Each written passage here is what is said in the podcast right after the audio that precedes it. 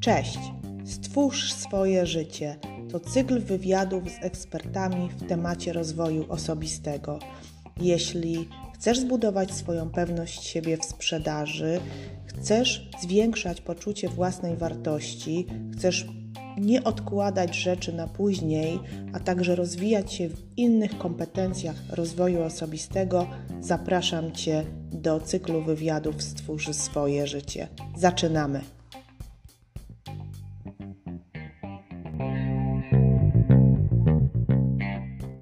Witajcie kochani w najnowszym odcinku podcastu Sprzedaż B2B w praktyce. Dzisiejszy odcinek poświęcimy w całości rozwoju kariery zawodowej i będziemy o tej karierze zawodowej rozmawiać z doradcą. To znaczy, ja będę rozmawiała z moim gościem, którego dzisiaj zaprosiłam do E, do naszej rozmowy, też w sumie na Waszą prośbę. E, prosiliście o to, żebyśmy, żebym zaprosiła osobę, która profesjonalnie zajmuje się rozwojem zawodowym, rozwojem kariery, więc na Waszą prośbę jest tutaj z nami gość, którego za chwileczkę przedstawię. Tylko zanim przedstawię, to powiem, jaki będzie temat dzisiejszego odcinka. Tematem dzisiejszego odcinka są trzy czynniki do szybkiego rozwoju kariery, kariery zawodowej właśnie okiem eksperta.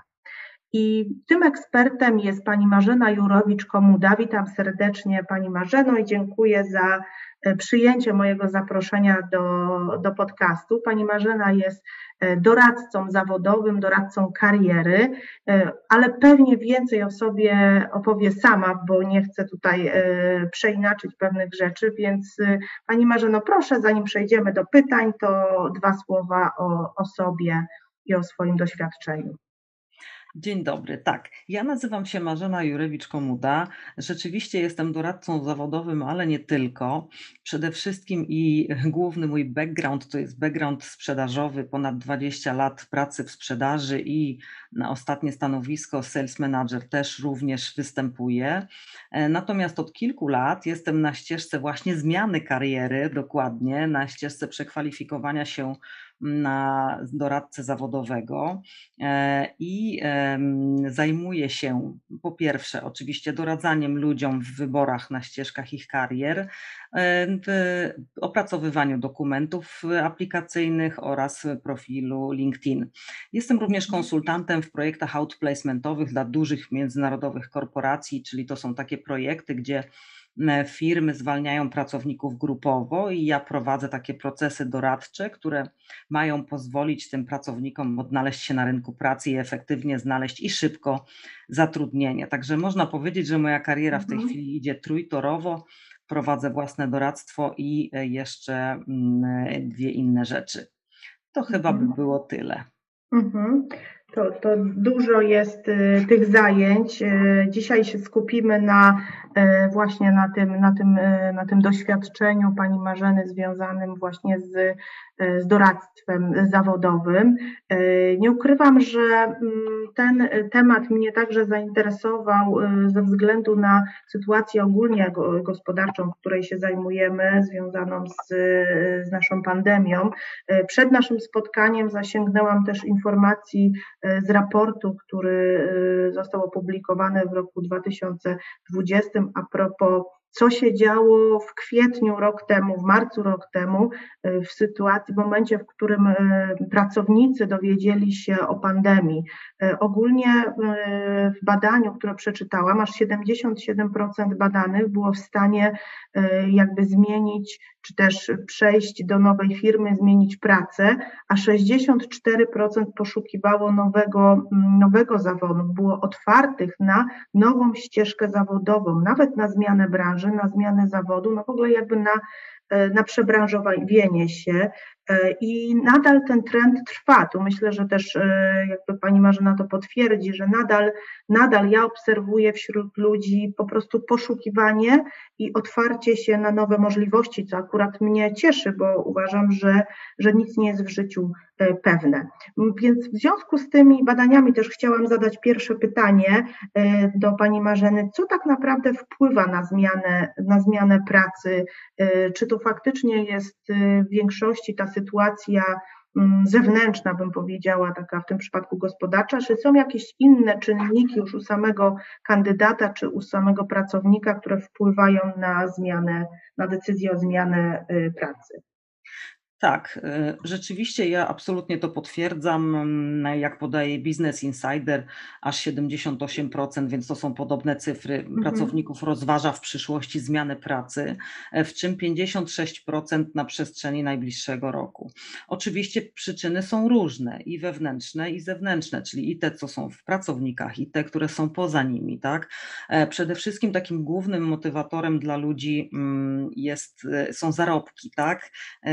i ludzie mm, dążą do tego, żeby więcej zarabiać i dlatego szukają e, nowego zatrudnienia.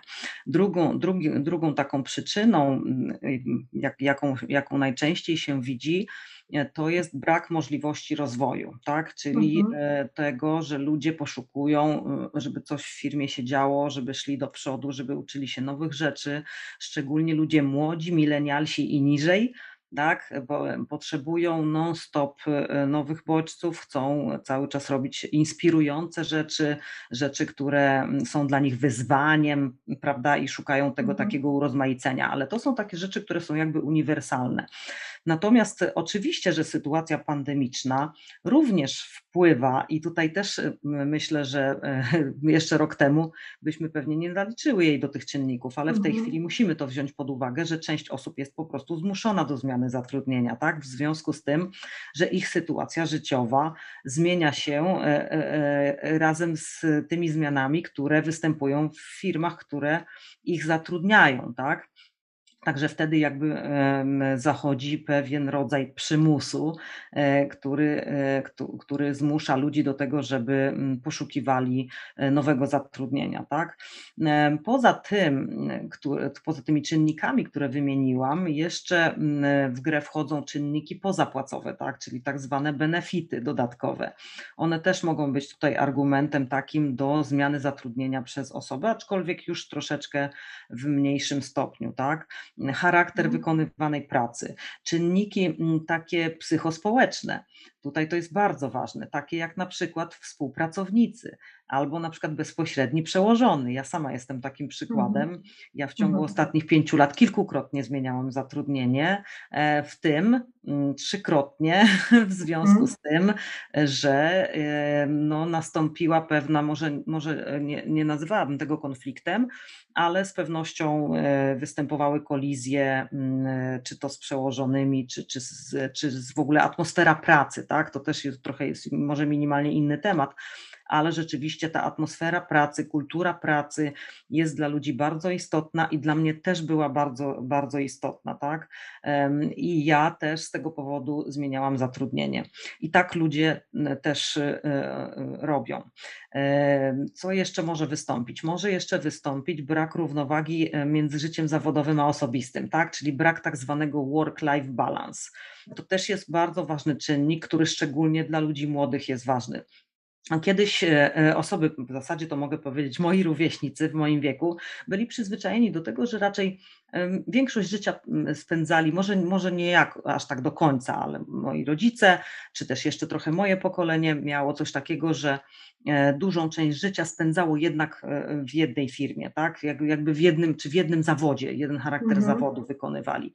W tej chwili milenialsi i niżej e, już absolutnie tak e, nie jest. Bardzo sobie cenią work-life balance, tak? czyli poszukują firm, które pozwolą im zachować ten czas e, dla siebie, nie będą ich aż tak bardzo obciążały. Tak? Na przykład pozwolą pracować zdalnie lub mieć elastyczne godziny pracy. To są takie przykłady mm, w tej chwili takich rzeczy, które są dla ludzi młodszych, będących na rynku mhm. pracy, naprawdę bardzo, bardzo ważne. Tak? Czyli mm, można tutaj tak podsumowując już powiedzieć, że w większym stopniu młodzi ludzie częściej, częściej planują zmianę pracy i częściej ją zmieniają de facto. Tak, mhm. także to, tak, to, e, tak to wygląda. Jest to tak. powiązane z wiekiem e, pracownika, absolutnie można to powiedzieć. Tak?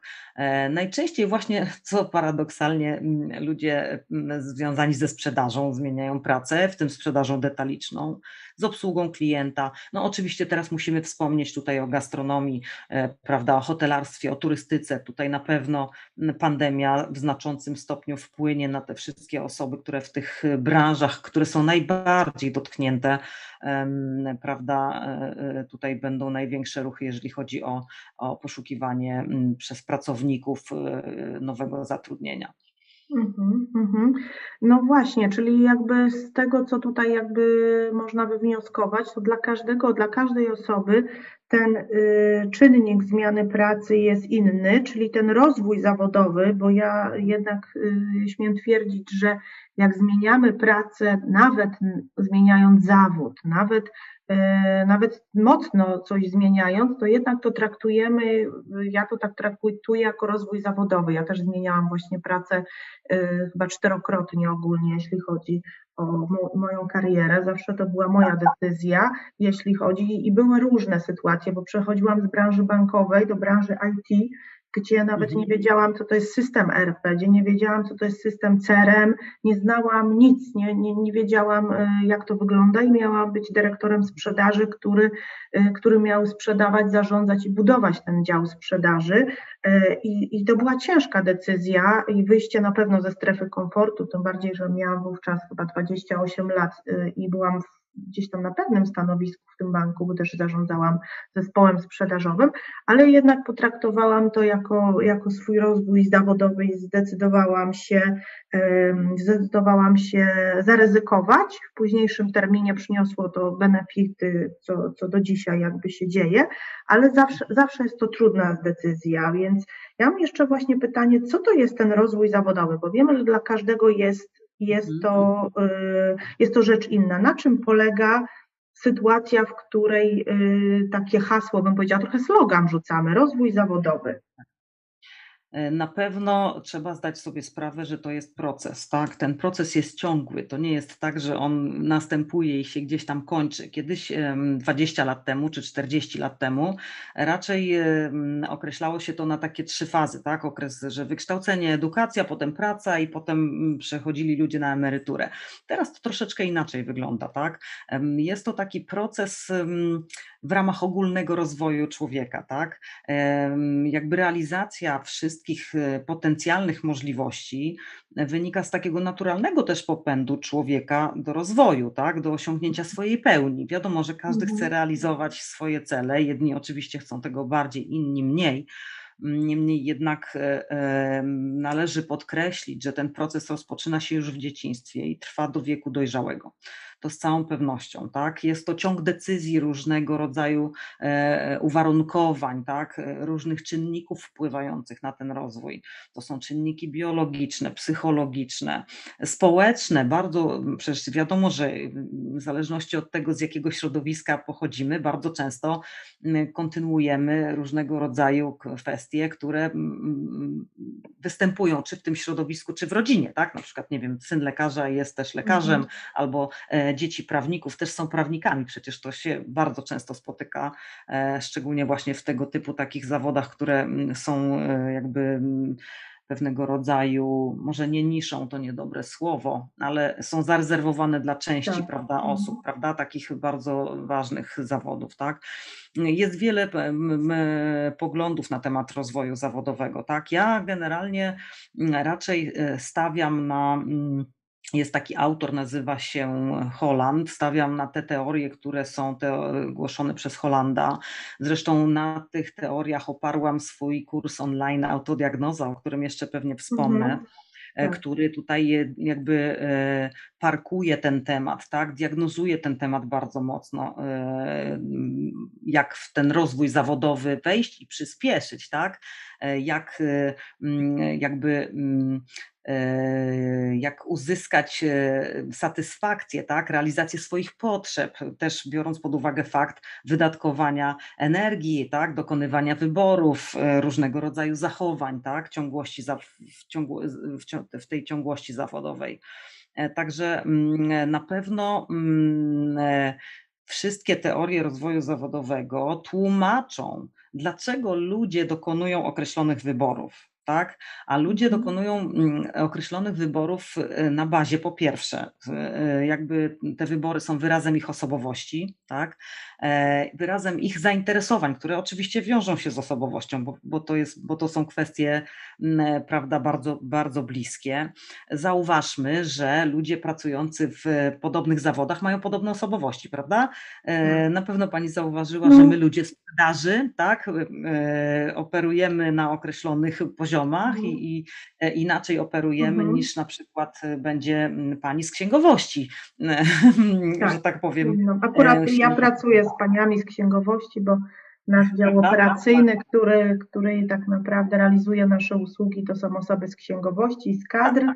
I, i, faktycznie, I faktycznie wszystkie, wszystkie te działy, jak się spotkamy, jeszcze marketing, sprzedaż i właśnie nasze działy operacyjne, to każdy jest inny, ale się dzięki temu jakby uzupełniamy w tym, co robimy, więc to jest, to jest tak. taki plus. Ale tak, dla każdego to znaczy, to znaczy in, inny ma charakter, prawda? Ta właśnie ten rozwój zawodowy, tak. inaczej interpretuje. Mhm. Tak. Dlaczego ja o tym mówię e, aż tyle? E, dlatego o tym mówię. Mm, że e, mm, jakby podsumowując, zawodowa satysfakcja, stabilność oraz osiągnięcia też e, mm, osób zależą w dużej mierze od zgodności pomiędzy właśnie osobowością i środowiskiem pracy, tak? Czyli im bardziej jesteśmy e, w środowisku, które jest zgodne z nami, im, im bardziej pasujemy do pracy, którą wykonujemy, tym jesteśmy mhm. szczęśliwsi, tym jest nam tam lepiej, tak? Stąd mhm. też idziemy automatycznie jakby zgodnie ze swoimi preferencjami e, w pewne zawody, tak? Oczywiście nie wszyscy tak mają, nie wszyscy potrafią jakby zdiagnozować swoje, swoje preferencje, e, swoje, mimo nawet mm, osobowości, mimo tego, że wiedzą, jakie mają zainteresowania, e, to nie zawsze wiedzą tak naprawdę, co chcą robić, bo one nie zawsze są takie wyraźne i wyłaniające się, tak? Czyli jakby no, jeśli ktoś ma w sobie jakiś naturalny talent do robienia czegoś, tak, i to jest bardzo mocne, no to jasną sprawą jest, że ktoś za tym pójdzie, tak? Natomiast no nie ma się co oszukiwać. Bardzo duża grupa osób nie ma takich wyraźnych, e, nadanych już jakby z góry talentów i takie rzeczy musi mhm. sobie po prostu wypracować. Tak? Mhm. E, I teraz w którym kierunku pójść, prawda? O to jest pytanie. Tak. I to pytanie jak to wypracować? Ważne. Jak to wypracować? Tak. Są narzędzia do tego. E, bo można szukać, że tak powiem, nie wiem, jakby na zasadzie prób i błędów. Lubię kontakty z klientami, albo lubię jeździć, a nie lubię pisać umów i na, to, to tak. strasznie długo trwa, bo ja sama do tego dochodziłam, dlatego że kiedyś jeszcze nie było y, tak rozwiniętego rynku y, autodiagnozy, już można tak powiedzieć. I mhm. właśnie tu też jest moje pytanie, czy najpierw y, zaplanować tą ścieżkę kariery, czyli ja już wiem, że chcę coś zmienić w moim życiu, że, że chciałam chciałabym zmienić tą pracę, czy zanim przejdę do tego, to właśnie może powinnam zrobić sobie autodiagnozę, określając swoje mocne, słabe strony kierunki. I właśnie to jest moje pytanie, Pani Marzyno, w którym, co pierwsze i na czym polega ta autodiagnoza, jeśli miałabym się tym zająć? Tak, moje, moje zdanie jest takie, że mm, w pierwszej kolejności trzeba zajrzeć w głąb siebie, tak? Czyli tak naprawdę mm, wyjąć z wnętrza siebie to, czego naprawdę się pragnie, tak? To nie jest takie proste.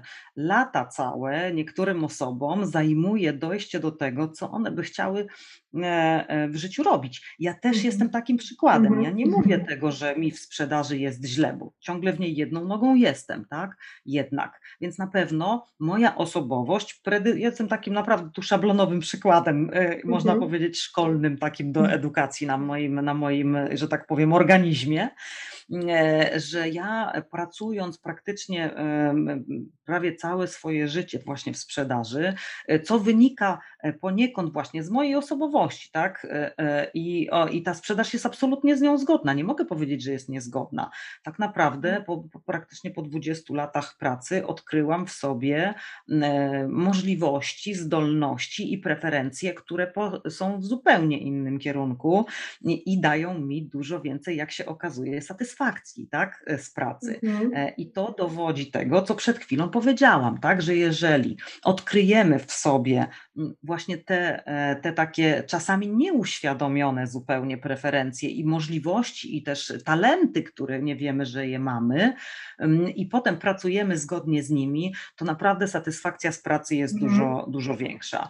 Mhm. Na pewno można powiedzieć, że ludzi klasyfikujemy, zresztą właśnie według Holanda, będę tutaj mhm. Powołując się na Holanda i na moją świetną skądinąd profesor Paszkowską Rogacz ze studiów e, poddyplomowych ze SWPS-u, którą pozdrawiam, e, powoływać. Mm, e, na pewno mamy kilka takich typów osobowości.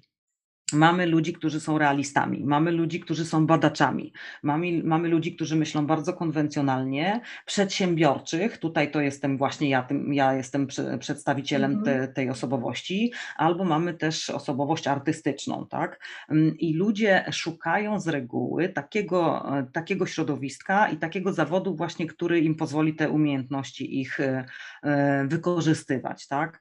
Mm, I na, na, na, tej, na, tych, na tych preferencjach ludzie bazują. Z tym, że właśnie bardzo często jest tak, że ludzie nie zdają sobie sprawy mm, z tych preferencji. E, I jak tutaj pani wspomina o autodiagnozie, to właśnie autodiagnoza pozwala na to, żeby wydobyć z człowieka tak, e, e, to, co w nim drzemie, tak? ale to wymaga, to nie jest takie proste zadanie. To wymaga właśnie mm, wykonania całego szeregu, są różne narzędzia. Tutaj wspomniała Pani o narzędziach i rzeczywiście absolutnie potwierdzam, jest bardzo dużo różnego rodzaju testów osobowości, diagnostycznych, e, style myślenia. Już nie będę mhm. Mm, wymieniała jakby firm, które to, e, które, które e, to mm, wprowadzają, tak, bo tutaj naprawdę jest bardzo duży przekrój mm, i, i można tego typu różnego rodzaju testy wykonać, tak. Po wykona, po, przy wykonywaniu takich testów też warto popracować na wartościach, tak? Czyli jakby e, m, bardzo jest duże uzależnienie tego, co ludzie preferują, od ich systemu wartości, tak? Czyli jakby mhm. E, no i tutaj musi być pełna zgodność, tak? No bo jeżeli ktoś chce postępować etycznie, no to trudno, żeby zajmował się czymś, co jest nieetyczne na przykład, tak? Już nie będę podawać przykładów, jakie to mogą być nieetyczne tak. działania, ale na mhm. pewno, e, na pewno e, tutaj jest to bardzo ważne, żeby w zgodzie z własnymi wartościami postępować i w tym też praca ma tutaj ogromny, ogromny udział, tak? Także mhm. mm, ludzie są różni, tak? Wiemy, wiemy, że bardzo się różnimy. Tak, jedni świadomie pracują, wytyczają sobie kolejne cele do zdobycia i działają w oparciu o silną motywację. Inni przyjmują taką strategię, że prawda, no to co jest carpe diem tak zwane, tak? Mm Żyjmy dniem tak. i to co jest dzisiaj to jest dzisiaj, jutro, jutro e, nie. Oczywiście tutaj wchodzi w grę prokrastynacja, lenistwo, e, niektórym się chce, niektórym się nie chce, tak? Zastanawiamy się e, niektórzy, czy, czy, czy rozpocząć naukę, czy gdzie rozpocząć naukę. To tutaj już wychodzimy z wartości i z tej takiej właśnie autodiagnozy, czyli zaglądania w siebie, ponieważ to jest bardzo duży temat i ja tego nie będę pogłębiała, ale jeżeli ktoś by sobie życzył, to oczywiście może zajrzeć na moją stronę internetową i tam znajdzie więcej informacji na ten temat.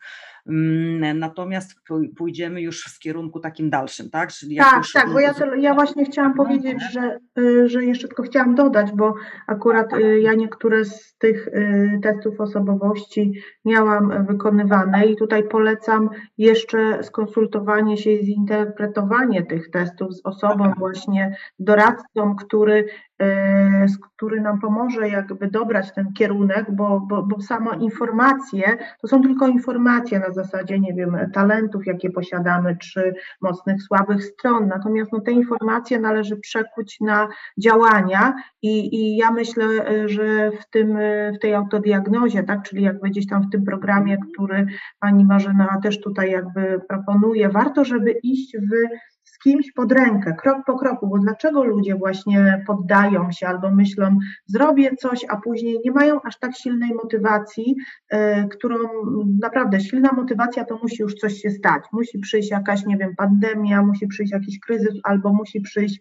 coś, co, co nas zmotywuje. Natomiast jeśli nie mamy tej takiej motywacji bardzo silnej, to wówczas warto a wiemy, że chce, coś chcemy zmienić, to wówczas sobie należy dać wsparcie też osoby, która profesjonalnie się tym zajmuje, więc jakby tutaj nie rozstrzygniemy tego tematu, ale, ale właśnie jest taka możliwość, żeby, e, żeby, żeby jakby tutaj konsultować się z Panią e, Marzeną w tej sprawie poprzez, ja, ja oczywiście podlinkuję stronę internetową i kontakt, więc będzie taka możliwość, a my już pójdziemy dalej, bo czas mamy też ograniczony, a chcemy jak najwięcej Wam tutaj przekazać informacji, więc pójdziemy już już dalej y, w tym kierunku, że już jesteście po autodiagnozie, już macie receptę na to, co chcecie robić, nawet mało tego, już wiecie, do jakiej firmy chcecie aplikować. Już tak daleko pójdziemy, dlatego że chcemy się skupić na liście motywacyjnym, e, czyli jakby też, bo też mnie dopytujecie, jak, czy powinno się pytać, po pierwsze dostaję takie pytania, czy powinno się w tych czasach pisać list motywacyjny, to jest pierwsze, czy tylko samo CV, a dwa, co umieścić w tym liście, żeby, mm, żeby naprawdę on e, był przekonywujący dla pracodawcy. I to będzie takie moje pytanie właśnie.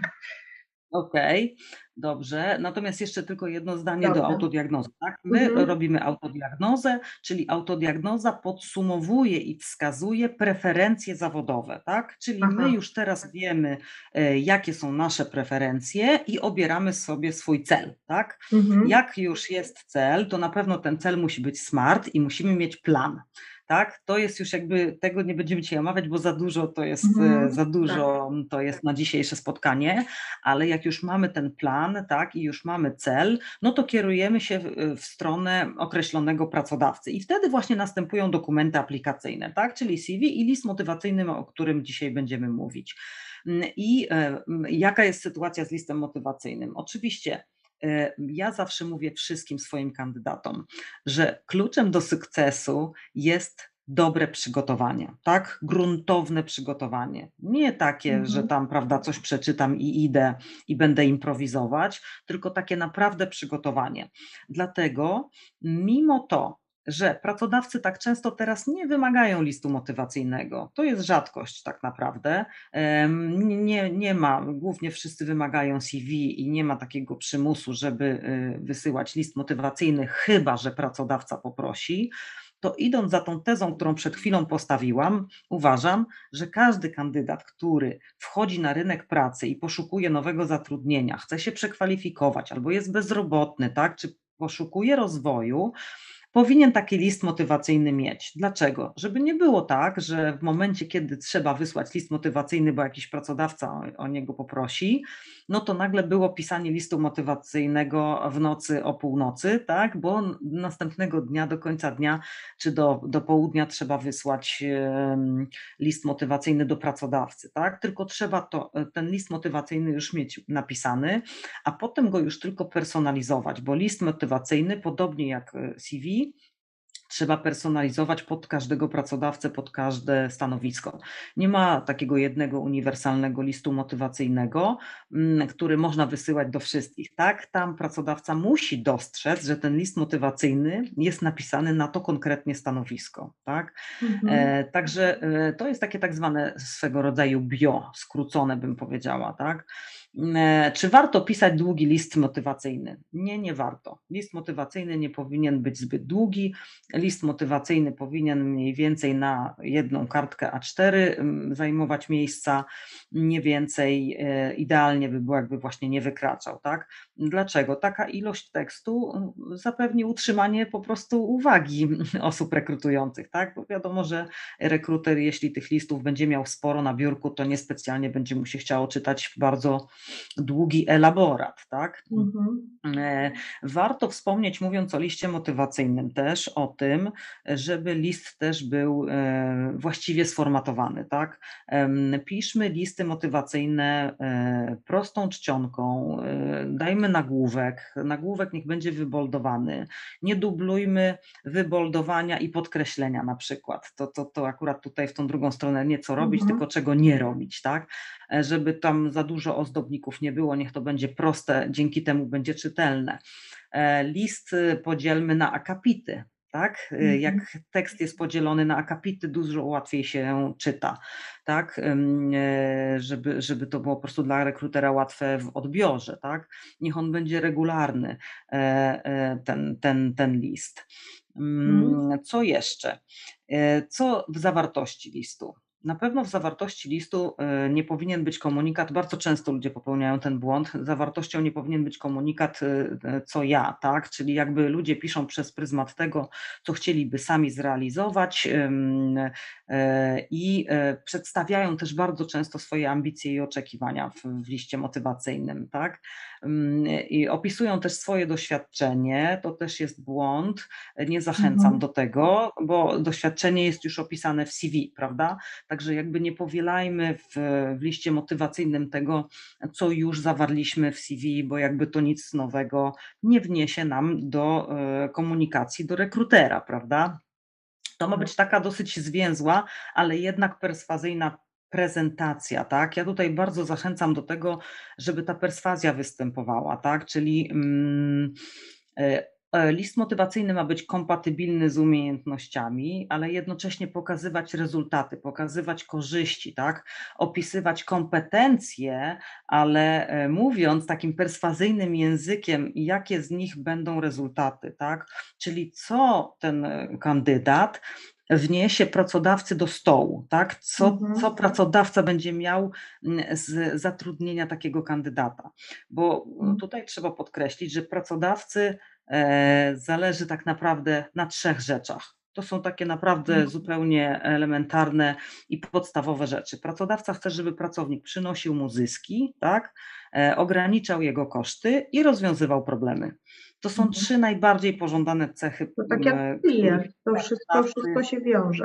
Tak, dokładnie się wiąże, bo prawda, e, e, proces rekrutacji, w ogóle proces poszukiwania, zmiany pracy, zatrudnienia, to jest tak jak proces sprzedaży, tak? My przedstawiamy pracodawcy ofertę. To jest dokładnie to mhm. samo. My mhm. jesteśmy produktem i tak powinniśmy o sobie myśleć. My powinniśmy myśleć o, o zmianie pracy, jak o, jak, jak o takiej, jak o, nie, o podejściu do zmiany pracy, jak, jak o strategii marketingowej, tak? Jeżeli myślimy w ten sposób i robimy mm, działania, e, działamy holistycznie, czyli we wszystkich kierunkach, tak? Mamy strategię, wiemy, co chcemy zrobić, no to wtedy mm, osiągamy sukces, tak? Mm, mhm. Dlatego nie wystarczy pisać w liście motywacyjnym, prawda, o sobie, tak? Czyli mówię, mhm. posługiwać się komunikatem typu ja, tylko jednak pokazywać te rezultaty, czyli co wyniknie z naszych działań, tak? Mhm. Ja jestem mocny w tym, w tym i w tym, dzięki temu, tak, zrobię w waszej firmie to, to i to tak? Mhm, mhm, Okej, okay. czyli jak to wpłynie już, jaki KPI, czyli jaki rezultat tak, e, będzie. Mhm, tak, będzie. Konkretnie. E, I też e, o tej personalizacji, o której chciałabym parę słów powiedzieć, o której wspomniałam przed chwilą. To jest bardzo, to jest bardzo ważna rzecz, tak, żeby pisać pod ogłoszenie rekrutacyjne, tak? Jeżeli pracodawca poszukuje jabłek y, lobo, tak, no to nie przedstawiajmy mu się, że jesteśmy papierówką, ale też jesteśmy fajni, prawda? Mhm. Bo, to, bo, to, bo, bo pracodawca nie weźmie nas, nawet możemy być najpiękniejszą papierówką, naprawdę piękną, zieloną i super smaczną, ale pracodawca potrzebuje e, czerwonego lobo, tak? Mhm. Zatem e, patrzmy przez pryzmat tego, co pracodawca wymaga. I przez ten pryzmat piszmy e, list motywacyjny, personalizujmy przekaz, tak? Jeśli pracodawca chce to, jeżeli to jest naszą mocną stroną, oczywiście wszystko musi się zgadzać z prawdą, i, bo potem trzeba będzie na rozmowach rekrutacyjnych no właśnie, e, tak. obronić wszystkie tezy, które postawi się w takim liście, prawda? Więc tutaj trzeba mhm. też popracować na własnych mocnych stronach. E, ale to jeszcze za chwilę może, mm, może o tym parę słów powiem, tak? Także warto też przygotować sobie jakieś tam story do, do, do tego listu motywacyjnego, żeby potem na pewno potem o tym mówić. Na pewno mhm. e, trzeba sobie postawić pytanie, dlaczego, tak? Dlaczego? Dlaczego mhm. właśnie w tej firmie chcę pracować? Dlaczego to stanowisko jest takim ważnym punktem na, moj, na mapie moich życiowych celów, prawda? No właśnie, bo jeśli, jeśli ja tak, tak przerwę, jeśli nie pasuje z tym jakąś inną papierówką niż, e, niż, niż, niż Lobo, no to może, może w ogóle jakby szkoda też pisać y, listu i szkoda aplikować, bo faktycznie, bo to nie o to chodzi, żeby się sprzedać, a później nie dostarczyć tego, bo też będzie frustracja i będzie, będzie, będzie po prostu powód do zmiany pracy po trzech miesiącach i szkoda, szkoda po prostu czasu i pracodawcy i myślę, że pracownika, tylko jak już jakby jakby po dokładnym przeczytaniu, no zakładamy, że już jesteśmy po dokładnej weryfikacji, analizie oferty pracy i faktycznie czujemy się mocni, chcemy, chcemy, wiemy, że możemy coś wnieść e, do, do takiej firmy. Bo ja akurat się właśnie spotykam z takimi listami i motywacyjnymi z CV często osób, które no, mam wrażenie, że nie do końca czytają, ale to no, tak, tak jest. Więc tu zachęcam do, tak, do, do czytania. Ważna, tak. Trzeba podkreślać swoją w tym temacie motywację, tak? Niech mhm. to będzie przemyślana wizja osiągnięć, które nastąpią i też idzie ona w parze z argumentami, tak? Które mają przekonać pracodawcę do współpracy z nami. Ale to mówię, mhm. to konkretnie pod, pod, pod ogłoszenie rekrutacyjne i pod potrzeby pracodawcy, patrzeć przez pryzmat potrzeb pracodawcy, nie własnych oczekiwań. Tak, bo celem, celem listu, celem CV na tym etapie jest po prostu kolejny mały kroczek e, do naszego sukcesu, czyli rozmowa rekrutacyjna, która, która jest no kluczowa, tak mi się przynajmniej wydaje, no bo zawsze, zawsze lepiej, e, lepiej jak damy, e, damy możliwość poznania się, czy ktoś nam da możliwość poznania się, niż po prostu wiadomo, że w dokumentach, w, w, w listach można różne rzeczy zawierać, więc więc, e, więc myślę, że jak już zostaniemy, za, jak już zostaniecie zaproszeni na rozmowę rekrutacyjną, no to to już jest duży, duży sukces, ale no teraz jest y, kwestia, jak przez tą rozmowę rekrutacyjną przejść, y, przez to pierwsze spotkanie, bo y, akurat jakby w naszej firmie tych rozmów jest kilka rekrutacyjnych, od rozmowy takiej pierwszej poprzez później zadanie praktyczne, poprzez później jeszcze drugi etap, więc jakby tego, tego jest dużo i tu pracodawca dokładnie chce zweryfikować, ale bardzo często często ja się spotykam z rozmowami takimi, bo uczestniczę, kiedy faktycznie przychodzą osoby i, e, i tak naprawdę nie wiedzą, jak zacząć, a wiemy, prawda, Pani się Pani ze mną zgodzi, że ten pierwszy, ta pierwsza rozmowa to jest pierwsze pięć minut dla, dla kandydata i tak, właśnie tak. jak tutaj zabłysnąć i przygotować się i wystąpić, tak żeby właśnie e, zachęcić i potwierdzić temu pracodawcy, że dobrze zrobił, że mnie wybrałeś już na tą rozmowę rekrutacyjną. Tak, absolutnie tak, jak najbardziej. Na pytanie mm, pod tytułem Powiedz mi coś o sobie, każdy kandydat musi być przygotowany. To pytanie praktycznie prawie zawsze pada. Mhm. Tak? tak. E, mhm. Ale wychodząc, do, właśnie dobrym, bardzo dobrym punktem wyjścia jest tutaj też list motywacyjny, bo e, można zbudować ten swój tak zwany elevator pitch, bo o tym teraz mówimy. Mówimy o, o przedstawieniu się, o tych pierwszych pięciu minutach, o tym pierwszym wrażeniu, właśnie o tym rozpoczęciu całego, całej tej randki z pracodawcą, bo tak mhm. też się nazywa proces rekrutacyjny bardzo często, że to jest randka mm, z pracodawcą i tak to trzeba właśnie traktować. Mm, e, to elevator, list motywacyjny może być właśnie bardzo dobrym wyjściem do tego elevator pitch, tak? Bo, mhm. bo te tematy są dosyć tutaj do siebie, bym powiedziała, zbliżone, tak? ponieważ mm, list motywacyjny to jest e, taki bardzo krótki, prawda, i skondensowany opis, a elevator pitch też jest oczywiście krótki, ale tutaj możemy już sobie pozwolić na, na więcej luzu ze względu na to, że to jest wystąpienie e, osobiste, tak? Jest to taki kilkudziesięciosekundowy opis własnej osoby, to, to też nie może być długo, bo tak naprawdę mamy minutę, może maksymalnie do dwóch, ale raczej bym rekomendowała mm, przygotować sobie taki speech na około minutę, tak? I w tym, e, w tym przemówieniu e, można mm, e, jakby w, pierwszym, w pierwszej takiej odsłonie zaprezentować siebie, tak? Mm, I tutaj to pytanie, o którym wspomniałam przy liście motywacyjnym, czyli my musimy wyjść tak naprawdę od tego, żeby sobie zadać pytanie dlaczego. Tak? Dlaczego chcę pracować w tej firmie? E, na pewno rozmowa, e, pod, taka prezentacja e, własnej osoby musi przykuć uwagę rozmówcy, tak?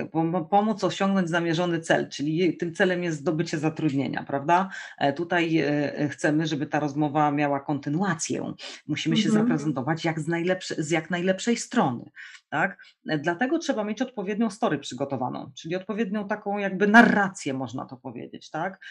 Ona też polega na tym, żeby powiedzieć pracodawcy to, co dla niego się zrobi. Taka jest prawda. Mhm. Tak? Dlaczego ten pracodawca ma nam uwierzyć? E, e, e, tutaj ważne jest nie tylko to, co, co się powie, ale również jak to się powie, tak? żeby to mówić z zaangażowaniem. Warto na przykład na początku mm, może trochę zaskoczyć czymś jakąś osobę, to, to, to, to, to, tego swojego rozmówcę. Na pewno trzeba mieć przygotowane historie. Trzeba pamiętać o tym, to już mówię tak w, ogólnie w procesie rekrutacyjnym każdym, że mm, e, na, na dobry rekruter e, zawsze będzie pytał o przykłady. Tak? I mhm. dlatego musimy mieć przygotowany cały zestaw różnego rodzaju historii do opowiadania, tak? Tak, mhm. żeby w trakcie tego elevator pitch, używając języka korzyści, tak, i tej perswazyjnej komunikacji, przedstawiać argumenty do tego, żeby zostać właśnie przez pracodawcę e, tak, zatrudnionym. Tak? E, jak można to najłatwiej zrobić? Najłatwiej można zrobić to w ten sposób, że trzeba poszukać problemów, jaki ma pracodawca. To, co ja, te trzy problemy, mhm. o których ja e, przed chwilą wspominałam, tak, zyski, koszty i, e, i rozwiązywanie problemów, tak, to w tych kategoriach trzeba poszukać takiego tego problemu, czyli bólu pracodawcy. Na tym właśnie stanowisku, na które aplikujemy. Jak już go znajdziemy, tak, ten problem, e, do czego ten pracodawca tak naprawdę nas potrzebuje, to zasadne jest przedstawić się jako rozwiązanie tego problemu, tak? I tutaj trzeba przygotować sobie wiarygodną, krótką historię na ten temat, tak? Wzbudzić za, za, zaciekawienie tego pracodawcy. Również też warto prowokować drugą stronę do podjęcia rozmowy, tak? Jak ta rozmowa stanie się interaktywną, to naprawdę e, tutaj e, zyskujemy bardzo dużo tak zwanych punktów dodatnich, tak? Bo wiemy, że są i punkty dodatnie, i punkty ujemne, można też zdobywać. Mhm ale tutaj akurat e, punkty dodatnie, tak? Bycie naturalnym, zachowanie zachowanie i słownictwo, żeby było autentyczne, tak? Zachowywać spokój, mówiąc jednocześnie z pasją i zaangażowaniem, tak? A te pytania, o których ja wspominałam, takie, takie to moje dlaczego, trzeba bazować na swoich mocnych stronach, tak? Czyli przełożyć mocne strony na korzyści dla pracodawcy. Zadać sobie pytania takie jak na przykład, kim jestem, co robię, tak, co do tej pory robiłem, co umiem robić najlepiej, tak, jakie są moje najmocniejsze strony.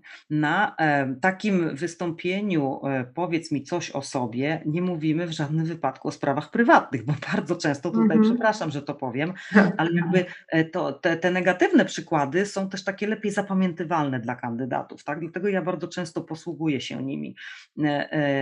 Nie mówimy o tym, jakiego mamy psa, prawda, i gdzie jeździmy na wakacje, bo mhm. naprawdę bardzo często takie wypowiedzi się spotyka, tak? Mhm. Mówimy w takim elevator pitch o pracy, tak? O pracy, o swoim życiu zawodowym. Mm, mówimy o tym, jak rozwiążemy problemy pracodawcy na aplikowanym stanowisku, tak? O tym mówimy e, w swoim wystąpieniu o sobie, tak? Przedstawiamy mm, swoje najmocniejsze strony przez pryzmat potrzeb pracodawcy. I tak jak mówię, mhm. krótko, ja oczywiście nie jestem tego tutaj dobrym przykładem i w ogóle nie jestem dobrym przykładem, bo ja jestem gadatliwa strasznie, e, mhm. ale jak można tego uniknąć? Też dam tutaj tip. Dam taki tip, jeżeli ktoś mówi dużo i właśnie obawia się o to, że będzie za długo mówił, bo tu naprawdę trzeba się w tej minucie czy półtorej minuty zmieścić, to, to warto naprawdę sobie nagrać. Warto sobie nagrać, mhm. na, na, rozpisać, to mówię, to gruntowne przygotowanie. Rozpisać sobie e, takie wystąpienie na kartce, e, nagrać się, zobaczyć ile czasu to zajmuje i tak to skrócić, tak się przygotować, żeby wiedzieć, że e, potrwa to nie dłużej niż prawda, maksymalnie dwie minuty. I wtedy, i mhm. wtedy e, jest duża szansa na to, że wygramy takim wystąpieniem e, następną rozmowę rekrutacyjną na przykład. Mhm. No właśnie, właśnie. E, ja kończąc już e, ten wątek rozwoju kariery zawodowej, bo, bo mm, już dużo tutaj tematów omówiłyśmy, to jeszcze mi takie pytanie właśnie przyszło, bo wspomniała Pani o tej komunikacji obustronnej e, z pracodawcą w trakcie takiego elevator speech, a no często mówimy właśnie te dwie minuty, jak spowodować, żeby, mm, żeby jakby też druga strona się uaktywniła, czy po prostu powiedzieć to, to, co mamy przygotowane i no czekać na jakieś pytania pracodawcy, czy może w trakcie, nie wiem, po tej minucie przygotować pytanie i kontynuować. Tak teraz mi przyszło, bo akurat ja też jestem bardzo za tym, żeby kandydaci byli aktywni, żeby pytali, rozmawiali, a nie bali się tego, bo mam wrażenie, że niektórzy to się po prostu boją, boją pytać, a akurat u mnie ma ta osoba więcej punktów, która pyta, no bo przecież to jest jej przyszłe miejsce pracy, więc no jak nie pyta, no to, to, to ja nie wiem, może byle gdzie będzie chciała pracować w takim razie. Tak, na pewno, tak jak mówiłam, y, warto wzbudzić zaciekawienie i pozwolić rozmówcy pytać, czyli w, spróbować wciągnąć go w rozmowę. Jak można to zrobić? Po pierwsze właśnie, można zadać jemu pytanie, e, po drugie też robienie takich krótkich pauz jest tutaj e, taką, taką metodą, gdzie jak coś opowiada, to, to taka pauza też może mhm. sprowokować pytanie drugiej strony. I też to, co wspominałam wcześniej, operowanie na przykładach. To dotyczy nie tylko elevator pitch, ale w ogóle mhm. całej rozmowy rekrutacyjnej, tak? Czyli jakby mm, w momencie, kiedy mówimy o jakichś swoich mocnych stronach, to przedstawiajmy przykłady, tak? Robiłem to, to i to w tej firmie, w której pracowałem, w taki i w taki sposób, przyniosłem tyle i tyle oszczędności dla działu w okresie takim i takim, bo tak jak jest zasada SMART, tak też tutaj trzeba odpowiadać bardzo konkretnie i podawać cyfry, podawać procenty, podawać przykłady, i wtedy gwarantuję, że jeżeli mm, pracujemy na prawdziwych historiach, tak, opowiadamy prawdziwe historie, to wtedy padają pytania. Aha. To jest klucz do tego, żeby pracodawca tak albo rekruter zadał mhm. pytanie. Kiedy mhm. nie lejemy wody, tylko kiedy mówimy o konkretnych przypadkach, tak? Opowiadamy, co się w rzeczywistości mm, e, stało, tak? Działo mhm. i co z tego wynikało. Tak. Mhm, mhm. Czyli, no, czyli jakby też druga osoba, ludzie wyczuwają y, nasz, y, na, to, jak mówimy, i chyba wygrywa właśnie naturalność i bycie sobą, bycie prawdziwym. Absolutnie tak tej rozmowie i właśnie dlatego zostaliśmy pewnie zaproszeni na tą rozmowę, żebyśmy potwierdzili, że to, co pisaliśmy, to jest prawdziwe i tacy tak. jesteśmy i to potrafimy i do tego warto nas zatrudnić. Więc y, tak, faktycznie chyba w trakcie, w trakcie są, jak jest zaciekawienie, to jest pytanie, więc tak bym mogła chyba to, to podsumować. Y, kochani, będziemy powoli kończyć, nasi drodzy słuchacze, bo, bo, bo, bo czas nas y, goni. Omówiłyśmy wszystkie wszystkie przygotowane na dzisiaj e, tematy związane z czynnikami e, rozwoju kariery zawodowej. Chciałam bardzo serdecznie podziękować Pani Marzenie za, za to, że przyjęła zaproszenie i że udzieliła naprawdę bardzo, bardzo merytorycznych tutaj nam wskazówek. Zapraszam do kontaktu z Panią Marzeną, tak jak mówiłam, wszystko na końcu poniżej podcastu będą, będą wszystkie linki do stron internetowych, do, do kont, mm, gdzie w mediach społecznościowych też będzie można skontaktować się z Panią Marzeną. No i piszcie komentarze, zadawajcie pytania i będziemy tutaj myśleć o kolejnych odcinkach. Także jeszcze raz bardzo, bardzo dziękuję za dzisiejsze spotkanie. Dziękuję serdecznie, jestem zaszczycona, jest mi bardzo miło i z wielką chęcią odpowiem na pytania, jeżeli takie się pojawią. Bardzo dziękuję. Dziękujemy i pozdrawiamy.